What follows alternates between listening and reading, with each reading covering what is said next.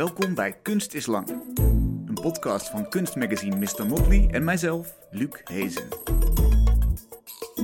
Dag, leuk dat je luistert. Mijn gasten van vandaag zijn Karen Lancel en Herman Maat, samen het duo Lancel-Maat.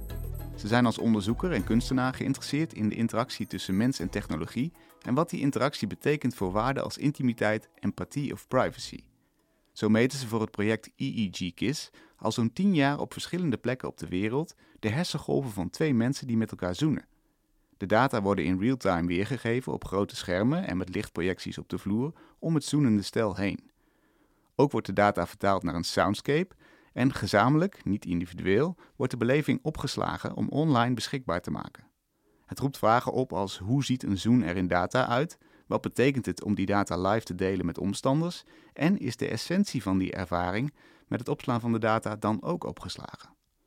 Hun project Agorafobia Digitalis bestond uit een zogenaamde isoleerzuil, een opblaasbare ruimte waarin precies genoeg plek is voor één computer en één mens. Op die computer kon je chatten met iemand die ervaring had met een vorm van isolatie. Iemand met pleinvrees, iemand die gekidnapt is geweest, in de gevangenis zat of iemand die celibatair leeft. De installatie heeft vanaf het jaar 2000 over de wereld getrokken en was voor deelnemers een plek om je in terug te trekken. Maar omdat de zuil semi-transparant was en in de openbare ruimte stond, ook een plek waarin je je mogelijk bekeken en onveilig voelt.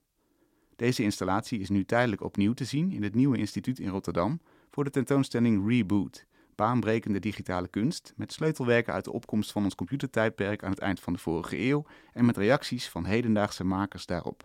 Welkom Karen en Hermen, leuk dat jullie er zijn. Dank jullie wel voor de uitnodiging. Ja. Voordat we naar die werken gaan, Karen, jij hebt afgelopen jaar besteed aan een promotieonderzoek aan de TU Delft. Geholpen overigens door Hermen, dus jullie hebben het deels samen gedaan. Die kun je zien als verdiepende basis voor jullie gezamenlijke werk. Wat heb je precies onderzocht? Uh, hallo, fijn dat we hier zijn. Um, het proefschrift is een uh, kunst- en wetenschaponderzoek. En dat grijpt dus in elkaar. En kunst heeft natuurlijk andere voorwaarden voor onderzoek dan wetenschap en uh, verschillende tradities. En die hebben we bij elkaar gebracht aan de TU Delft, de Participatory Systems Lab, met promotor Francis Brazier. En um, we hebben onderzocht, de titel van het proefschrift is Can I Touch You Online? En dat gaat over empathie en intimiteit um, um, in interactie, performance. En, het gaat dus met name over shared social touch. Dus het gaat over aanraken en geraakt voelen in een samenleving zoals die van de onze, de sociaal-technologische samenleving. En die, en die samenleving die verandert steeds. En um, onze interactie verandert. En we zien elkaar steeds maar audiovisueel, bijvoorbeeld. En steeds minder via aanraking. En dat heeft een enorm effect op hoe we ons lichaam beleven. Het heeft een effect op hoe we onze communicatie beleven, hoe ik jou beleef als ik jou online zie. Um, het, het, feit dat we geen ruimte delen en dat ik jou niet kan aanraken, beïnvloedt hoe ik jou zie. En vervolgens ook weer hoe ik mijzelf terugzie in onze interactie. Dus wij hebben het idee dat wij ons lichaam ook heel anders gaan beleven. En daar maken wij interactierituelen voor.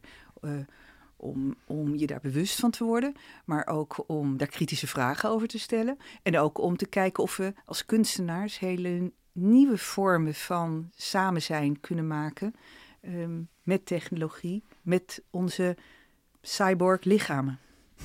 Want daar gaan we naartoe denk je? Of daar zijn we misschien al? Daar zijn we al, ja. Die, die, die zijn natuurlijk in ontwikkeling, omdat de technologie in ontwikkeling is en gedachten over privacy en, en bedrijven die privacy, onze privacy bepalen, uh, dat is allemaal in ontwikkeling. Uh, de artificiële intelligentie, uh, de manier waarop die invloed heeft op ons ja, in het Engels zeg je agency, de beschik, zelfbeschikking, het, het, het zelf kunnen invloed uitoefenen op wat we met elkaar doen.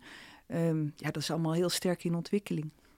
Heb je een voorbeeld van zo'n zo'n concept, eigenlijk zo'n arena waarin jullie bepalen hoe, uh, of, of, testen eigenlijk hoe ons lichaam zich verhoudt tot die digitale wereld? Uh, de vraag die je net opriep. Hoe heb je daar een concreet voorbeeld van, een situatie? Uh, nou, een heel uh, concreet voorbeeld um, gaf je eigenlijk net in de prachtige beschrijving van ons project EEG-KISS. Mm -hmm. En waarin mensen met elkaar kussen. En uh, hun, hun, hun hersenactiviteit om hen heen stroomt. eh, vertaald wordt naar geluid. En dat geluid maakt dat je dat kunt delen met de mensen om je heen. Mensen kijken naar de kus ehm, en, en horen de data en zien de data. En ze leggen een verbinding tussen die data en de kus. En ehm, die data in dit project zijn niet wetenschappelijk gevalideerd. Uh, dat betekent, je, je kunt die kus niet um, uh, naar aanleiding van de data begrijpen als zijnde intiem of niet intiem.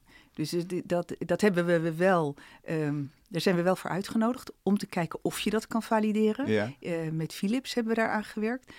Um, al snel bleek dat, dat elke kus uniek is. Elke, en dat is ook heel belangrijk. Een hmm. kus is altijd uniek. Zit, en zit creatief. geen rode draad in, in al die zoenen die jullie hebben opgenomen?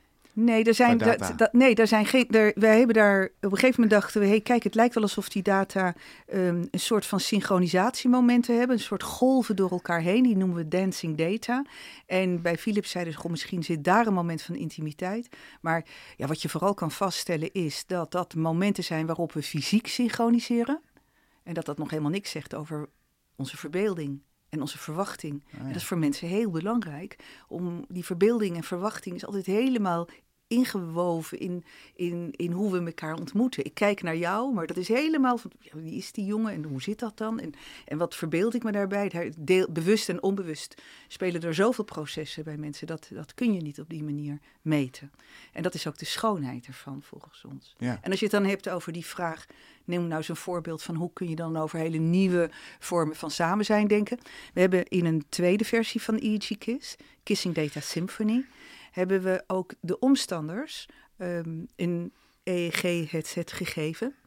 Omdat als je kijkt naar anderen die kussen of elkaar aanraken, dan jouw spiegelneuronen komen dan in actie en die spiegelen die activiteit in jouw lichaamsbeleving. En door, door, daardoor kun je voelen, empathisch, of heb je een vermoeden, wat die anderen voelen. Dat is spiegelen. En die activiteit meten we. En die worden ook onderdeel van de visualisatie en het geluid, de soundscape. En zo, maak, zo willen we samen een nieuwe vorm van kussen maken. Die, waar, ja, wat, waar wij op uit zijn, is om een wereldwijde kus te maken. Een Global Kissing Symphony. Hmm. En dan, dat is een mooi voorbeeld van hoe die techniek eigenlijk ons in staat stelt om iets nieuws te doen wat, wat bijdraagt aan die menselijke ervaring. In plaats van het juist isoleert en killer maakt, om het zo maar te zeggen. En daar zijn jullie ook naar op zoek, naar, naar die performance-achtige setting, dat verbindende. Verbinding en, en ehm, dat je invloed uit kan oefenen. Dus verbinding, verbeelding en invloed uitoefenen. En dat mensen er waarde aan toekennen. En dat is natuurlijk waar je dan mee speelt qua betekenisgeving. Dus, ehm, eh, en daar kom je dan ook langzaam maar zeker achter dat uh, mensen willen die de data dan graag hebben. Dus, uh, en daar maakten we dan ook weer prints van. En in, in goud en zilver. Of, uh, dus dus er, er ontstaat een, een zekere datamystificatie, maar daar spelen we dan weer mee. En dat vonden, wij hadden ook graag. Wij vonden het verwonderlijk dat mensen bijvoorbeeld dan vroegen: kunnen jullie zien of het een goede kus was? Ja. Terwijl we ze er van tevoren hadden gezegd: dat kunnen wij niet zien. Maar dan vroegen ze dat achteraf toch omdat ze dan die data als waarder of echter zien dan um, hun eigen ervaring. Hun eigen ervaring. Objectiever misschien. Ja, dan verwachten ze daar een soort objectiviteit van. Data is neutraal. Hmm. Maar dat is het natuurlijk eigenlijk nooit echt. Het is net wat je ermee doet en in welke context. En, um, en ik denk dat, dat uh, dat is misschien dan wel aardig om te vertellen dat je je gaat zo'n onderzoekstraject in. En een van de dingen waarom je dan voor een deel ook door Philips en een aantal van die labs gesponsord wordt, is omdat je dan eigenlijk een soort grappige innovatie doet als kunstenaar. Want je doet iets wat normaal niet kan. Um, uh, tijdens het tijdens uh, hersenmetingen elkaar aanraken was eigenlijk al taboe. Laat staan kussen. En uh, wat wij daarnaast nog wilden was um, data van twee personen real-time over elkaar heen leggen. Dus dan kon je real-time twee mensen vergelijken of samen een datascape maken.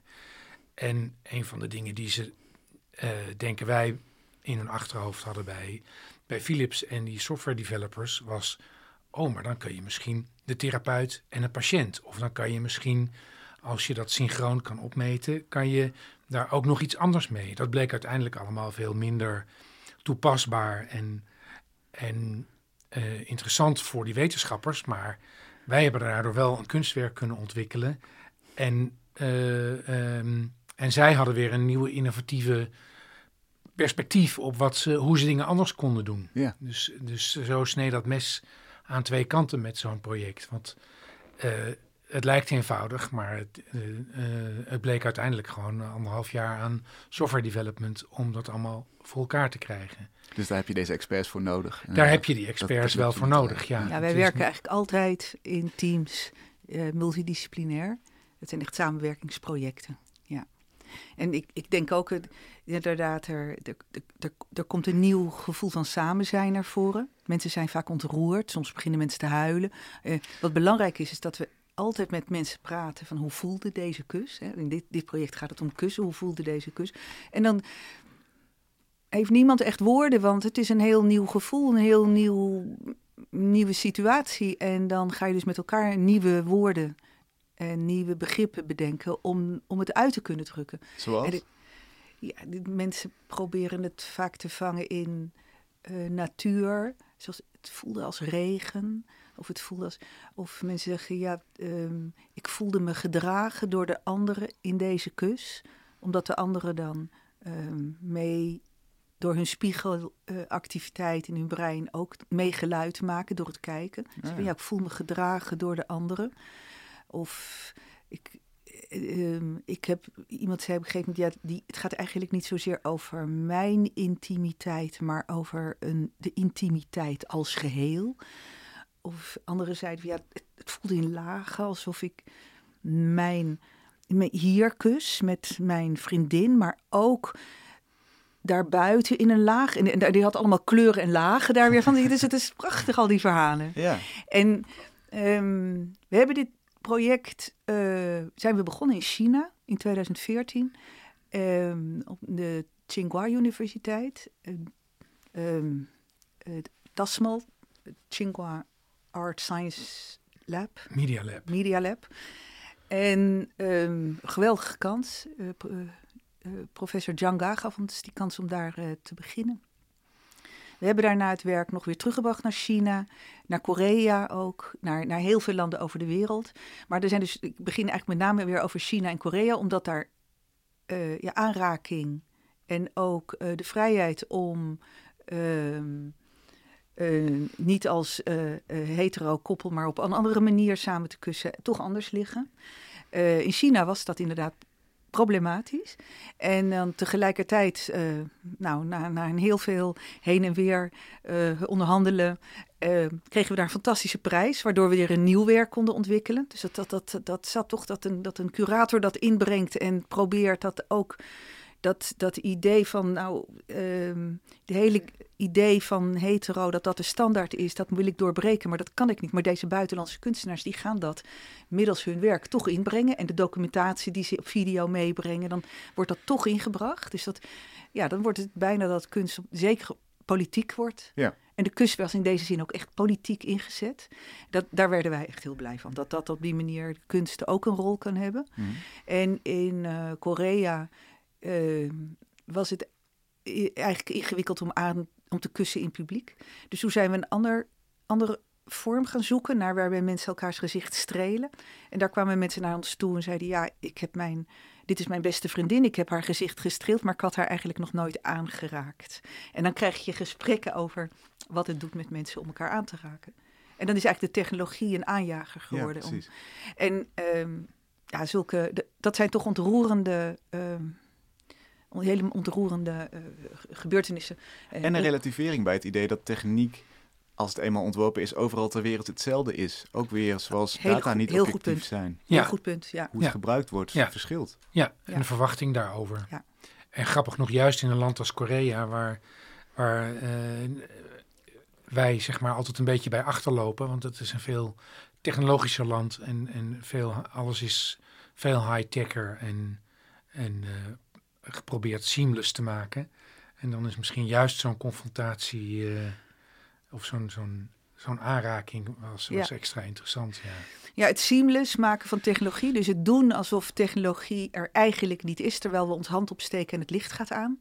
dat is het eigenlijk waar die metaverse nu uh, eigenlijk op uit is. Dat, dat gevoel dat we eigenlijk in de wereld rondlopen en technologie van alles doet voor, met en door ons. En, en ons ook aanstuurt zonder dat we het eigenlijk zelf in de gaten hebben. En dat daar ons geluk van afhangt. Daar wij wel, uh, zijn wij nogal kritisch over. Dus, dus dat, dat proefschrift, daar hebben we een nieuw interactiemodel gemaakt voor empathie en intimiteit in een samenleving waar je veel met technologie uh, communiceert en waar ons dat zo beïnvloedt. En um, cruciaal is dat, ja, dat die metaverse die gebruikt een symbool, dus een oneindigheidsteken. En dat, dat dat vloeit maar door, alsof er niks aan de hand is en die technologie die vloeit daarin mee. En wij denken nee, je moet juist in het hart van dat model, daar moet juist heel duidelijk zijn wat je met technologie doet. En je moet het niet ontwerpen als iets wat er bijna lijkt schijnbaar niet is. Je moet het ontwerpen dat het er heel duidelijk wel is. Dat het er wel is en tegelijkertijd uh, dat je er een beetje van schrikt, dat je er bewust van wordt. Mm filosofisch gezien word je bewust van je interactie met de wereld op het moment dat er iets even niet vanzelfsprekend gaat. Dus je moet het zo ontwerpen dat het even een frictie heeft, dat het even disruptief is. En tegelijkertijd mag het ook juist die verbinding vloeiend maken. Maar het moet dubbel zijn. je moet een keuze hebben, denk ik. Hè? Je moet Precies. niet er onbewust in meegaan. Ja, Want dat is natuurlijk wat die grote bedrijven willen. Hoe, hoe, minder weerstand jij biedt, hoe meer zij je verdienen. Zo is het, ja. En dus juist die dat bewustzijn is belangrijk. En wat ook belangrijk is, dat we met elkaar heel erg in gesprek blijven. En nieuwe, nieuwe, onze nieuwe belevingen woorden voor blijven vinden. Omdat, um, omdat um, je zou kunnen zeggen dat science fiction uit de jaren 50, 60. De verbeelding die we toen hadden, is toen is veel van die science fiction en verbeelding is nu wat doorontwikkeld wordt. Dus zodra wij verbeelding maken, heeft dat invloed op hoe we de toekomst gaan inrichten. Dus belangrijk dat als we nu iets meemaken, dat we daar verhalen met elkaar over maken. Dat je daar storytelling uh, aan verbindt. En hoe verklaren jullie dat? Is dat omdat zodra er taal is, is er een pad wat je kunt bewandelen als het ware? Is er, is er al iets waar je, waar, je, ja, waar, je, waar je op kunt treden richting de toekomst? Of hoe werkt dat? Waarom is dat zo belangrijk om die verbeelding aan het werk te zetten? Of wat gebeurt als je het niet doet? Ja, dat is. Nou, dan, dan, dan ben je er dus niet van bewust dat je gemanipuleerd wordt. Of dan, dan hè, als dat is, vind ik ook mooi aan het model dat nu ontwikkeld is. Dat juist die frictie en die disruptie, die zit in het centrum van die oneindigheidsloop. En de dialoog. En, de dialoog. Dus, dus um, uh, dan wordt dus die deconstructie iedere keer uh, onderdeel van de, de, installatie. En dat, uh, dat het hele traject van zo'n, van zo'n ervaring van bijvoorbeeld die kus... is natuurlijk ook dat je dan mensen uitnodigt. Dan gaan ze zitten. Dan vragen we ze hun ogen dicht te doen. Dan uh, uh, zorgen we dat het publiek op de goede plek staat. Dan gaan ze kussen. Dan vragen we ze nog een keer hun ogen dicht te doen als ze klaar zijn. Om te kijken of ze zich de kus kunnen herinneren. En daarna hebben we nog weer een gesprek over. Maar wat heb je nou ervaren? En uh, wat waren die relaties? En, wat waren, en daarom hebben we daar ook...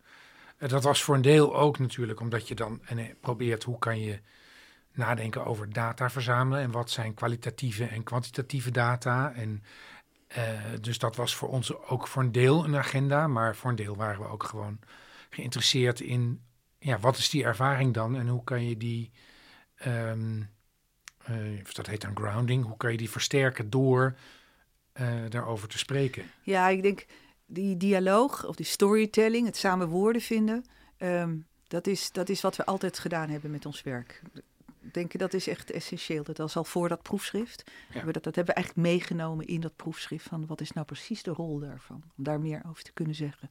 Ja, je zou kunnen zeggen, door dat proefschrift kwamen we erachter hoe belangrijk dat was. Ja, ja dat wel. We hebben zijn dat proefschrift begonnen omdat we op een gegeven moment merkten dat we uh, ja, uitvindingen aan het doen waren. En, en eigenlijk wilden verdiepen, begrijpen. En in, uh, in Delft zijn ze natuurlijk heel erg bezig met maken. En dat, dat, dat, dat sloot heel erg aan om daar verder op in te gaan.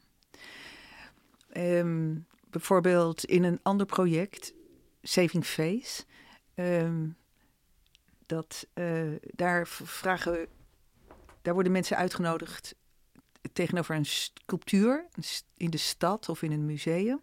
En in de sculptuur zit een camera. En we maken gebruik van gezichtstechnologie. En als je ervoor staat, dan kunnen mensen hun gezicht strelen. En dat strelen, door te strelen, verschijnt je gezicht als portret op een groot scherm. Dus in de stad is dat een groot urban screen, waar eigenlijk normaal reclames op verschijnen. Mhm. En waar je dan ineens de tederheid van het strelen ehm, ziet gebeuren. En je eigen gezicht ziet opkomen. Op het moment dat je je gezicht streelt en je ziet je gezicht opkomen, dan voel je je ook verbonden met dat gezicht. Dat is jouw gezicht.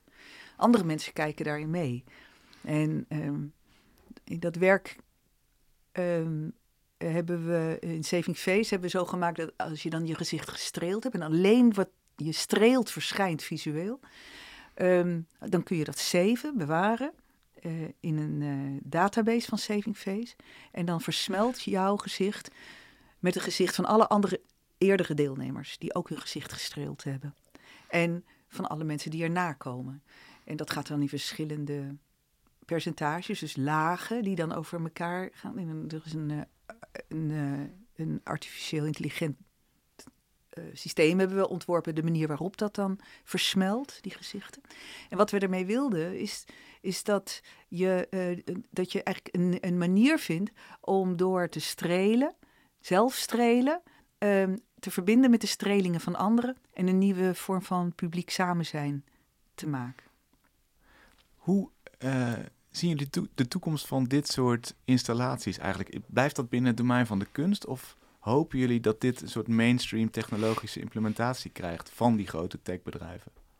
Ja, dat is een goede vraag. Want ik heb heel lang gedacht, ik wil bijvoorbeeld Saving Face, wat een. eh, eh, dat begeleiden we ook als, als kunstenaars. En dan praten we ook achteraf. Hoe voelde dat? Hoe voelde het om je te strelen en je te zien verschijnen? En toch heb ik gedacht dat, is een, dat dit werk met name eh, kan ook eh, misschien wel een soort standaard toepassing krijgen naast de geldmachine. eh, naast de pinautomaat. Eh, dat leek me gewoon prachtig. Dat je een, een, een, streel, een streelfunctie hebt. Een Ja. intimiteitsplek in de stad. En ik denk elke de stedelijke omgeving moet intimiteitsplekken hebben. Hmm. Of het kan, het is misschien wel juist de paradox dat juist door de intimiteit, dat dat, dat, eh, dat dat juist eigenlijk, dat is eigenlijk zo kwetsbaar dat je het tegelijkertijd ook echt op een soort beschermde situatie kun je het alleen maar laten bestaan. Je kunt het niet open gooien en eh, kijk maar wat je ermee doet. Je, je moet het eigenlijk beschermen met z'n allen. Dus het, het, het, het is eigenlijk ook dus heel erg een, een kunstbenadering, omdat je in de kunst heel veel performances zijn eh, gemaakt. Er is een traditie aan, in kunst die heel lichamelijk is en waar het eigenlijk heel vaak zo is dat, een, dat kunstenaars eh, zich laten slaan of ze kunnen omvallen of ze zijn in ieder geval heel kwetsbaar.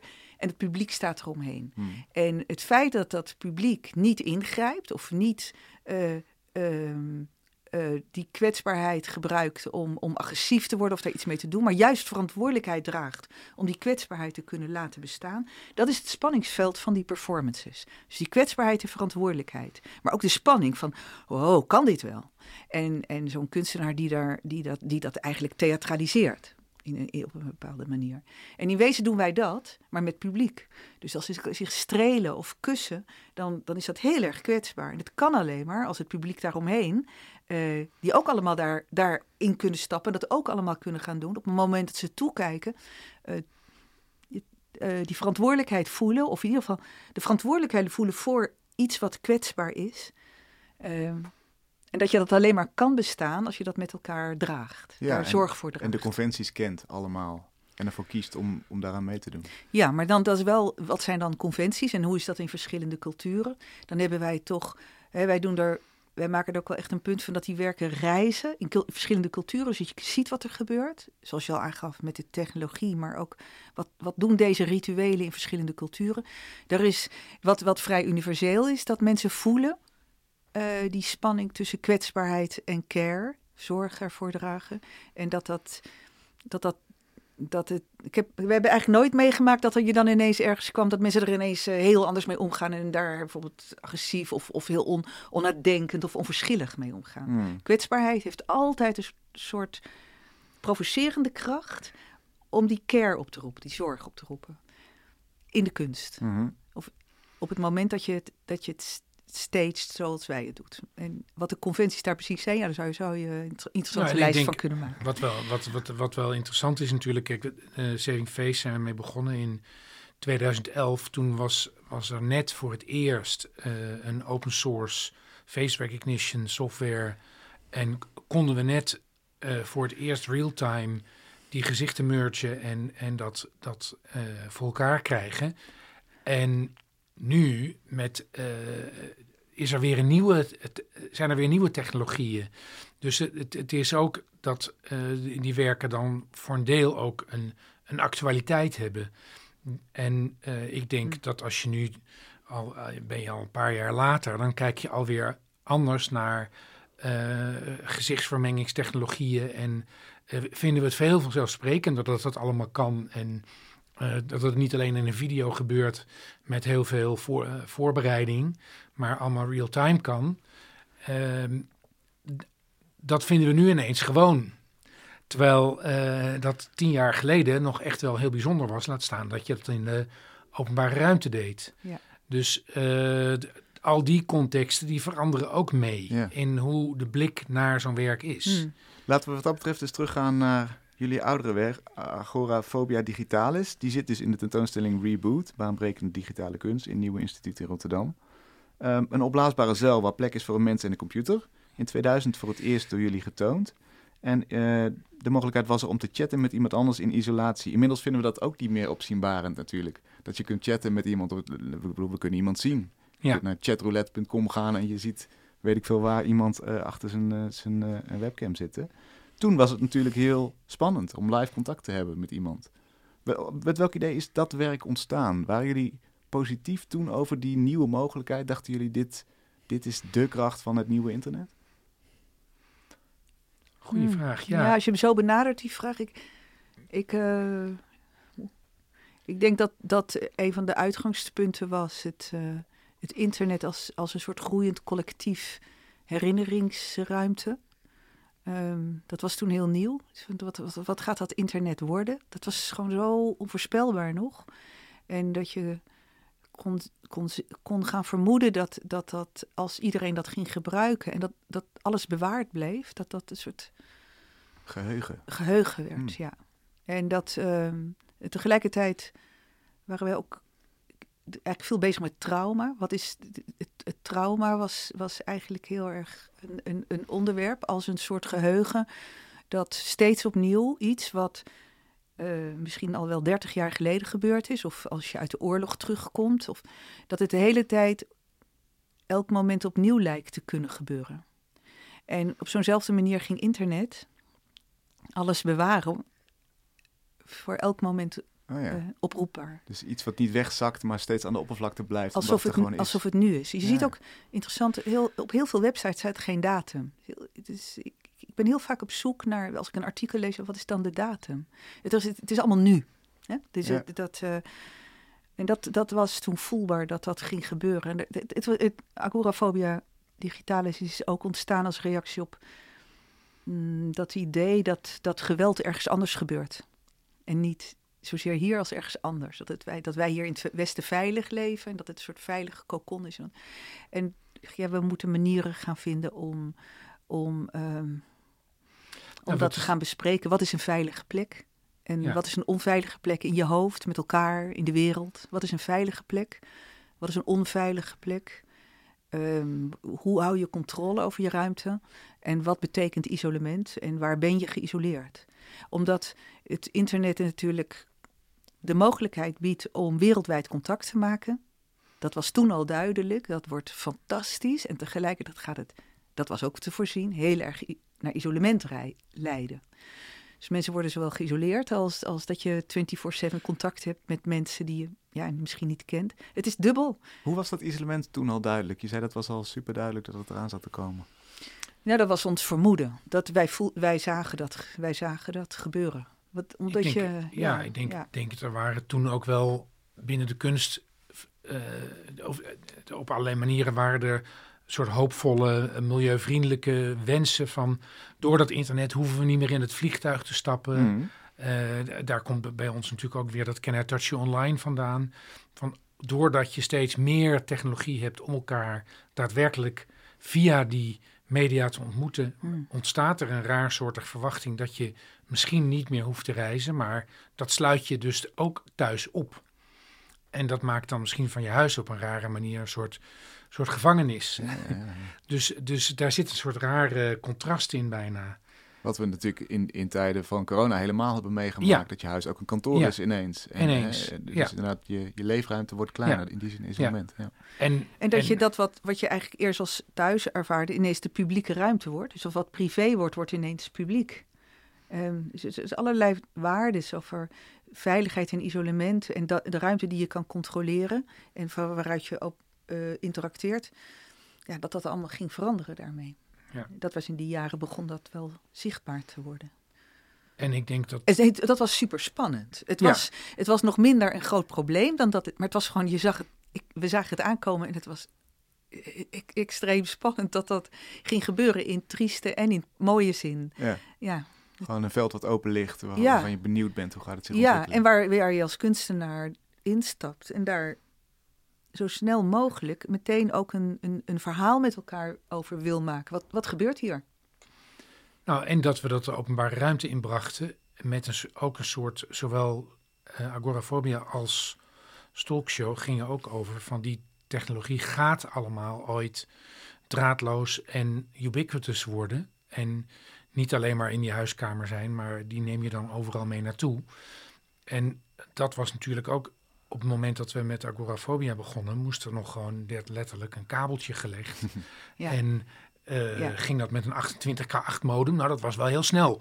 Ja. En, eh, eh, dus je had allerlei hobbels om dat in de openbare ruimte te, voor elkaar te krijgen. En daarnaast was het een innovatie dat je had wel chatrooms en je had wel software om te chatten, maar chatten op een website was ook een innovatie. Dus ehm, voor een deel wat bijzonder is, is dat, dat we dat eh, voor elkaar hebben gekregen toen al eh, in een webomgeving. En dat is ook ons geluk geweest, want eh 3bit heeft ons da- daardoor eigenlijk de afgelopen 24 jaar gesponsord. Want het was een van de eerste webomgevingen met een chat in de website. En zij vonden dat zo bijzonder dat zij dat al die 24 jaar online hebben gehouden en eh, hebben onderhouden. Dus ehm, eh, en, en nu is het heel gebruikelijk dat je in een hoekje van je website meteen iemand krijgt die Ja. jou bedient eh, om eh, een aankoop te helpen. Maar toen was het, hebben een aantal programmeurs zich er de tanden op stuk gebeten. Hoe is de betekenis van dat werk veranderd wat jullie betreft in de afgelopen 24 jaar? Ja, dat, ehm, we hebben dat in verschillende contexten door die jaren heen eh, laten zien. Ehm, in Berlijn was het met het jubileum van de val van de muur. Ehm, we hebben toen eh, gesproken met mensen zodat... We hebben een programma opgezet waarbij je in de isoleerzaal... Die is opblaasbaar, hè, die staat ergens tijdelijk in de stad. Die stond in Berlijn op de Alexanderplatz. Wat ook een historisch eh, beladen plek... waar de muur gestaan had... En daar kon je praten met mensen die in der tijd, eh, eh, waar, waar overnight die muur gebouwd was en die dus eigenlijk in, plotseling afgescheiden waren ge- geraakt van hun familie en vrienden, op die manier geïsoleerd. Je kon chatten met mensen die, ehm, die in, een, in de DDR in een isoleercel cel hadden gezeten. Maar je kon ook chatten met mensen die nu, op dat moment, ehm, eh, asielzoekend waren, eh, illegaal leefden in Berlijn en op die manier geïsoleerd raakten. Ehm, we waren in Berlijn op het moment dat, ehm, dat, eh, dat er in New York de, de vliegtuigen in de, in de torens eh, vlogen. Dus dat, dat was een hele heftige, dubbele eh, gesprekken over wat is een veilige plek, hoe hou je controle over, wat is onveilig. Mm. Ehm, we zijn twee jaar later naar, naar, in New York hebben we het laten zien op 9-11 eh, 2003. En daar werd het, daar nodigden we mensen uit die door, door die gebeurtenissen in de, in de eh moslimcommunity heel erg geïsoleerd waren geraakt. Maar ook mensen die in de gevangenisindustrie van Amerika uh, geïsoleerd raakte. Uh, ja, allerlei vormen van isolement. Eigenlijk hebben we door de jaren heen ontstond er een steeds grotere collectie van hoe mensen geïsoleerd kunnen raken binnen wat voor soort verhalen en contexten. En um, um, ja. En eigenlijk is dus de rode draad die isolatie. En nu ik er zo over nadenk, is het helemaal niet zo.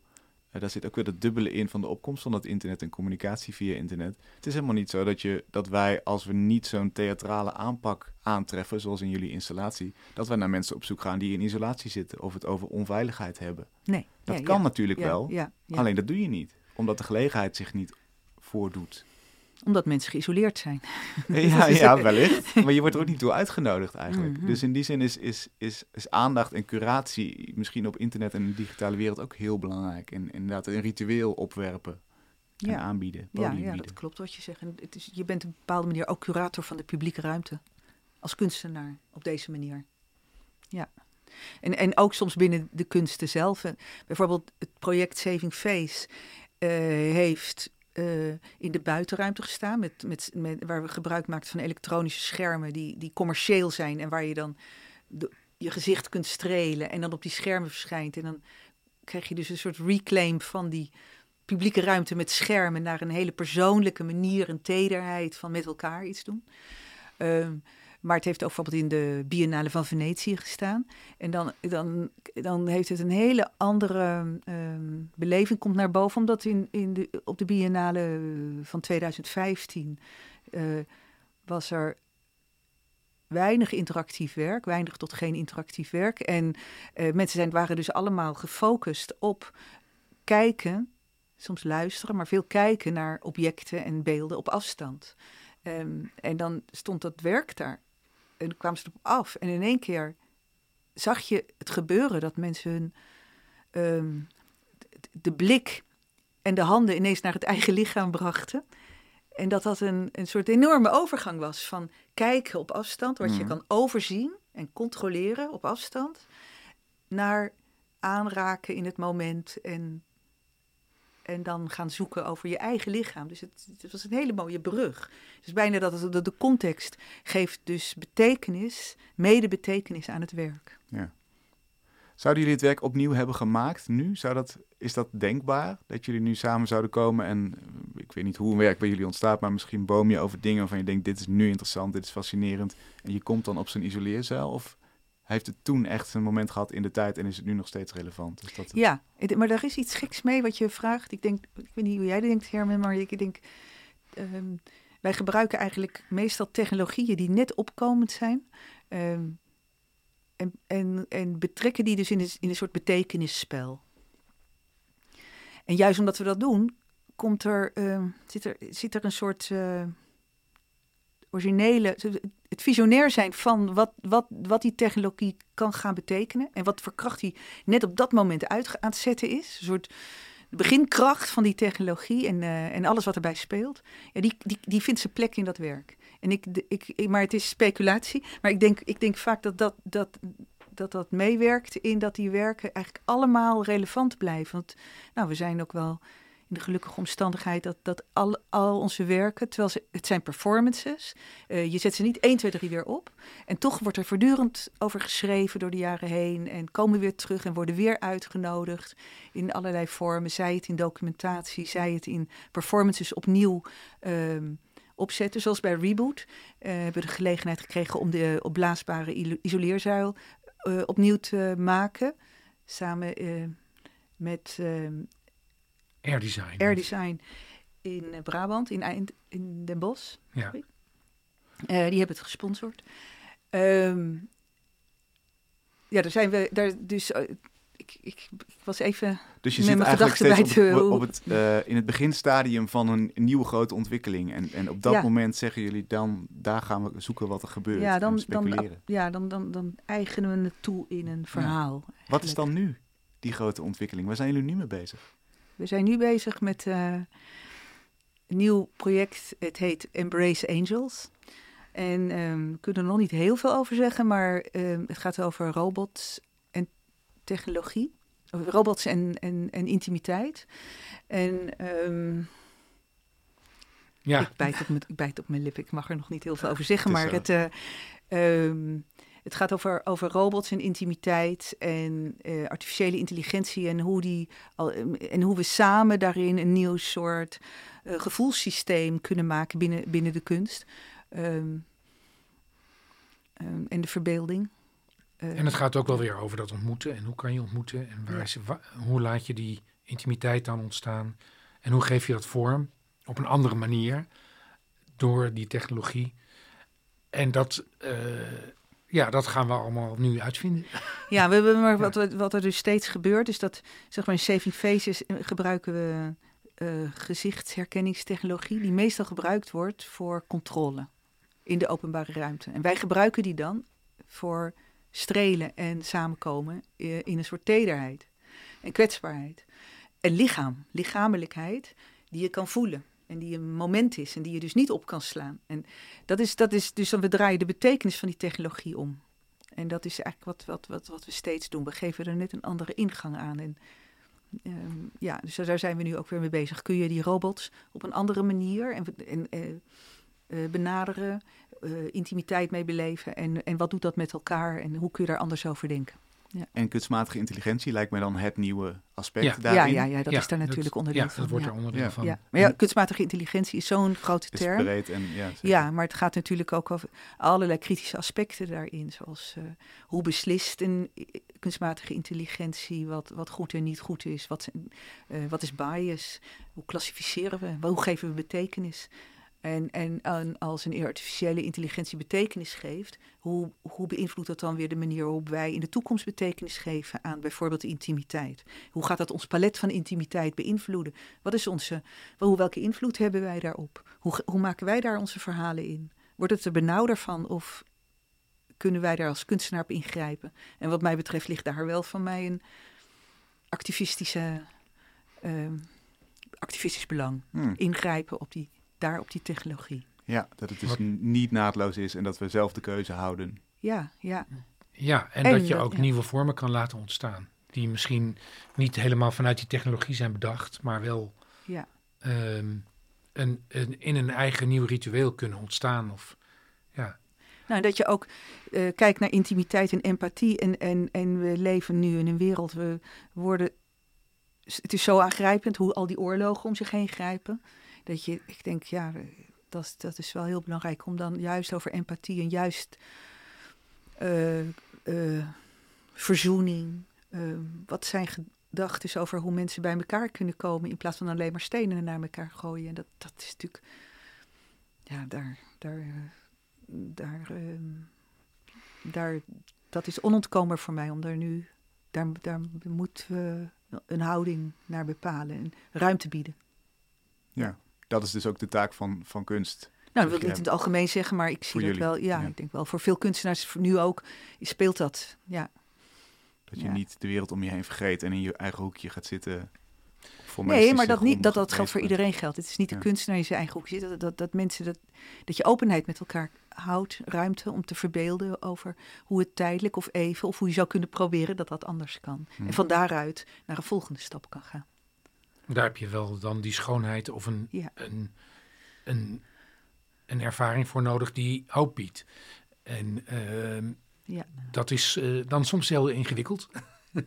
ja, Ja, kan ik me Ja. voorstellen. ja. En jullie zitten nu nog in de technische fase van dit onderzoek? Moet ik Ja, voor deel de- technische conceptuele fase. Ja. Ja, het gaat over interactierituelen. Dus het gaat over wat voel je, wat maak je mee. Het, het, we hebben eigenlijk door de jaren heen heel veel kennis opgedaan over interactierituelen voor aanraking en aangeraakt voelen en in technologische sociale omgevingen. Ehm, we hebben van E.G. Kist ook een, een werk gemaakt dat, waar we er orchideeën, dus de, de, de natuur in betrokken, orchideeën in mee, een stem ingaven in de soundscape en de, ehm, en de datavisualisatie. Dus het meten van, van, de, van ehm, CO, CO2 en EEG. Dus alle twee elektrische eh, systemen eigenlijk van planten en mensen. En hoe die samen, en je? fotosynthese, hoe die samen weer eh, een nieuwe... ehm, mm, via technologie en via een algoritme een nieuwe eh, uh, datascape kunnen maken voor mensen. En ehm, ik wilde dat even zeggen, ook dat de orchideeën ook een stem hebben. Om ook om aan te geven hoe breed het is, hoe breed je in, in dit verband kan denken. En met name tijdens de pandemie werden we benaderd van kunnen jullie wat zeggen over aanraking? Het werd steeds belangrijker. Het werd um, juist de afwezigheid van aanraking. En, en, en, en gaandeweg bleek dat er eigenlijk weinig centrale punten zijn waar je veel over kunst en aanraking en technologie te weten kan komen. En eh, toen zijn we, hebben we besloten om, um, om ook op basis van de kennis van het proefschrift um, een nieuwe, nieuw platform te starten. En dat platform heet Hypertouching. En hypertouching gaat over um, aanraken en geraakt voelen in uh, toekomst van onze sociaal-technologische samenleving. En dat, daar, uh, daar doen we interviews, we doen uh, rond de tafels, het, is een website, publicaties, tentoonstellingen. En we, we gaan in gesprek met mensen vanuit alle, alle perspectieven vanuit allerlei perspectieven. Dus vanuit de wetenschap, de kunst, design, educatie, medische zorg, ook heel belangrijk. En om te praten over al die perspectieven die nu naar voren komen. En dat varieert van hoe gaat het met robots, hoe gaat het met um, technologie met wearables, hoe gaat het met, uh, maar ook met hoe gaat het met MeToo in de, sociale omgeving, in de educatie. Wat kunnen we doen met, met, met aanraking? Het gaat over um, uh, neuro, neuro, uh, neurowetenschappelijk onderzoek naar aanraking. Hebben we echt een aanraking nodig? op onze huid? Of vindt de aanraking ook plaats in ons brein en in de verbeelding? En hoe kun je daarmee spelen? Dus het gaat eigenlijk ook over al die. Uh, kun je werk, kunstwerken die over aanraking gaan um, in musea tentoonstellen? Dat gebeurt eigenlijk bijna niet. Um, met name wanneer het technologie en aanraking betreft, dan heb je eigenlijk twee zaken die in musea uh, gevoelig liggen. En tegelijkertijd is aanraking en technologie zo essentieel als onderwerp nu, dat wij denken, ja, daar moet toch een vorm voor kunnen vinden met z'n allen. Dus we gaan met musea uh, in gesprek hierover. En we hebben natuurlijk wereldwijd uh, veel contacten. Dus, dus we betrekken daar ons netwerk bij um, om het toegankelijk te maken. En om het toegankelijk te maken voor elkaar, maar uh, ook voor universiteiten, voor maar om het toegankelijk te maken voor elkaar, maar ook om um, mensen die niet professional zijn toegang te geven om, om, om hier kennis van te nemen. Hypertouching. Hypertouching. Is de website al online? Nee, nog niet. Ja, Hypertouch is nu uh, is, is deels ge, ge ondersteund door het Stimuleringsfonds. En we doen het samen met Lima, Platform voor Media Kunst, curator Sanneke Huisman. En we um, we zijn nu uh, de interviews aan het afnemen en na de zomer is er de website. En um, um, komen daar ook alle interviews op die we tot nu toe gehouden hebben. En gaan we er ook tentoonstellingen mee opzetten. Waar we in ieder geval nog naartoe kunnen, is nu natuurlijk Rotterdam, het nieuwe instituut. De tentoonstelling Reboot. Die kunnen we nog bekijken tot 12 mei 2024. Dank jullie wel voor jullie uitleg en voor ja. uh, een, een, kleine vogelvlucht door al jullie werk. Ja, dankjewel voor de uitnodiging. Ja, leuk. Tot zover Kunst is Lang voor deze week. We zijn er volgende week weer. Tot dan.